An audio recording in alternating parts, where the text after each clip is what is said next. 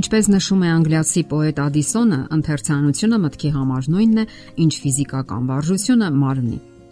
Փետրվարի 19-ը Հայաստանում գիրք նվիրելու օր է համարվում։ Այդ օրը մարդիկ, այսպես ասած, գրոհում են դեպի գրախանութները, որpիսի գիրք ընտրեն իրենց սիրելիներին նվիրելու համար։ Ինչպես ասում են, բարի ավանդույթները վերականգնվում են։ Հիշում եմ, որ տասնամյակներ առաջ ամենատարբեր առիթներով գիրք նվիրելը ընդունված ու սովորական երևույթ էր։ Գիրքը հարգված էր յուրաքանչյուր ընտանիքում, այն ուներ իր ուրույն անկյունը։ Մարդիկ շատ էին կարդում։ Իսկ ահա մեր օրերում անգամ կարող է տարօրինակ թվալ ընթերցանության մասին խոսելը։ Հարցն այն է, որ այսօր թվային տեխնոլոգիաների զարգացումը կարծես ստվերել է ընթերցանությանը։ Սակայն ողջվում է, որ ընթերցանության օգուտները շատ-շատ են։ Իհարկե իմաստ չունի հակադրելու ընթերցանությունն ու թվային տեխնոլոգիաները կամ համացանցը, որովհետև ժամանակն այնուամենայնիվ իր ուղղորդումներն է անում պատմական ու սոցիալական գործընթացներում եւ անհրաժեշտ է պարզապես ճիշտ հավասարակշռություն պահպանել։ Հետազոտություններ են կատարվել Ատլանտայի Էմորի համալսարանի գիտնականների կողմից, որոնք վկայում են ընթերցանության դրական ազդեցության մասին։ Ուսանողները կարդացել են օրական 30 էջ Ուղեղի մագնիսառեզոնանսային տոմոգրաֆիան ցույց է տվել, որ բարձր ակտիվություն է առաջացել ուղեղի այն կենտրոններում, որոնք կապված են խոսակցական գործունեության, զգացողական, շարժողական հակազդեցությունների, ինչպես նաև ճանաչողական ընտունակությունների հետ։ Ընդ որում դա պահպանվել է նաև ընթերցանության ավարտից հետո։ Գիտնականների մեկ այլ խումբ Ստանիսլաս Դենի գլխավորությամբ համեմատել է երկու խմբի մարդկանց ուղեղների ակտիվությունը։ Առաջին խմբում եղել են այսպես ասած անգրագետ մարդիկ, ովքեր կարդալ են սովորել հասուն տարիքում, իսկ երկրորդ խմբում եղել են գրագետ մարդիկ, ովքեր կարդալ են սովորել մանուկ հասակում։ Ընթերցանությունից հետո ստուգել են ուղեղի աշխատանքի ակտիվությունը, Պարզվել է, որ գրագետ մարդիկ ավելի արագ են անցալել նյութը։ Նրանց մոտ ավելի երանդուն է սկսել աշխատել գլխուղեղի կեղևի տեսողական գոտին ակտիվացել են ձայնային տեղեկատվության մշակման համար պատասխանատու հատվածները եւ միաժամանակ աշխատանքի մեջ են ներգրավվել ուղեղային մի քանի այլ կենտրոններ։ Այսօրվա իրականությունն այն է, որ շատերը պարզապես հետ են վարժվել ընթերցելուց, սակայն իմաստունի վերադառնալ ընթերցանությանը։ Դա մրցակցություն չէ թղթի ու վիրտուալ տարածքի միջև։ Յուրաքանչյուրն ունի իր տեղը։ Կարևոր է պահպանել ճիշտ համամասնությունը։ Նաև սեփական օրգանիզմի հանդեպ բռնություն գործադրելու կարիք չկա։ Կարելի է սկսել աստիճանաբար։ Հարկավոր է հատկապես երեխաներին վարժեցնել ընթերցանությանը, որը կփոխարինի համացանցային ամենակուլ խաղերին։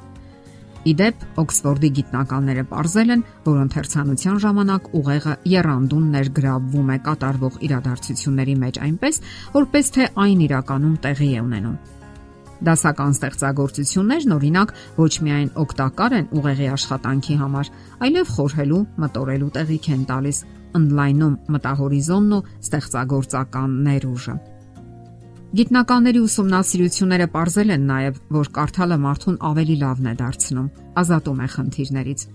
Զբոսանք, երաժշտություն, կարդալ։ Գիտնականները գտնում են, որ սթրեսը նվազեցնելու համար պետք է նախապատվությունը տալ կարդալուն։ Եթե տարապում եք անքնությամբ, կարող եք քնելուց առաջ որևէ օգտակար բան կարդալ, որն օգնում է հանգստանալ եւ տրամադրվել քնելուն։ Վառլույսը, հերոստացույցը կամ հերախոսը ուղեղին արթնանալու ազդանշաններ են ուղարկում, իսկ գիրք ընթերցելը հակառակ ազդեցությունն է թողնում։ Ընթերցանությունը մարդուն ավելի զգայուն է դարձնում։ Գիտնականները նաև ողրզել են, որ երբ ընթերցելու ընթացքում մարդը մասնակցում է գրքի հերոսների կյանքին, ապրումներին, ձեռք է բերում դիմացինին հասկանալու, կարեկցելու ունակություն։ Հաճախ գիրք ընթերցելը ավելի գրավիչ է դարձնում մեզ, զարգացնում է մեր ինտելեկտը, որն էլ օգնում է ավելի հեշտ, ճիշտ եւ հաճելի շփվել մարդկանց հետ։ Դուք կարողանում եք գրագետ խոսել ցանկացած թեմայի շուրջ, պատշաճ եւ ճկուն զրույց վարել։ Կարդալը զարգացնում է նաև լսելու, ստեղծագործելու ունակությունը։ Ընթերցանությունը բարելավում է ծնող երեխա փոխհարաբերությունը։ Միասին կարդալ, միասին քննարկել, խորհել, հարցեր տալ ու պատասխանել։ Սա շատ ավելի է օգնում հարաբերության բարելավմանը, քան հերոստացույցը։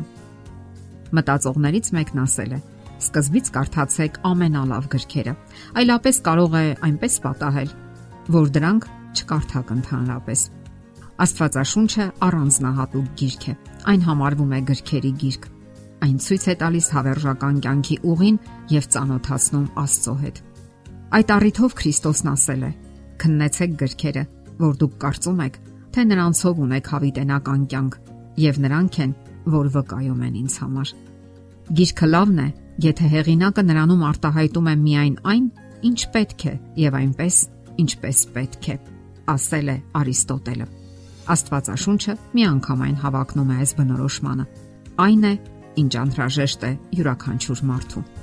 Իսկ դուք գիտեք, որ օրական ընդամենը 20 րոպե Աստվածաշունչ կարդալու դեպքում 1 տարուց էլ պակաս ժամանակամիջոցում դուք կկարդաք ամբողջ Աստվածաշունչը։ Ուսումնասիրեք այդ գիրքը, որովհետև այն հոգևոր ճշմարտությունների գանձարան է, ինչպես նաև գիտելիքների շտեմարան։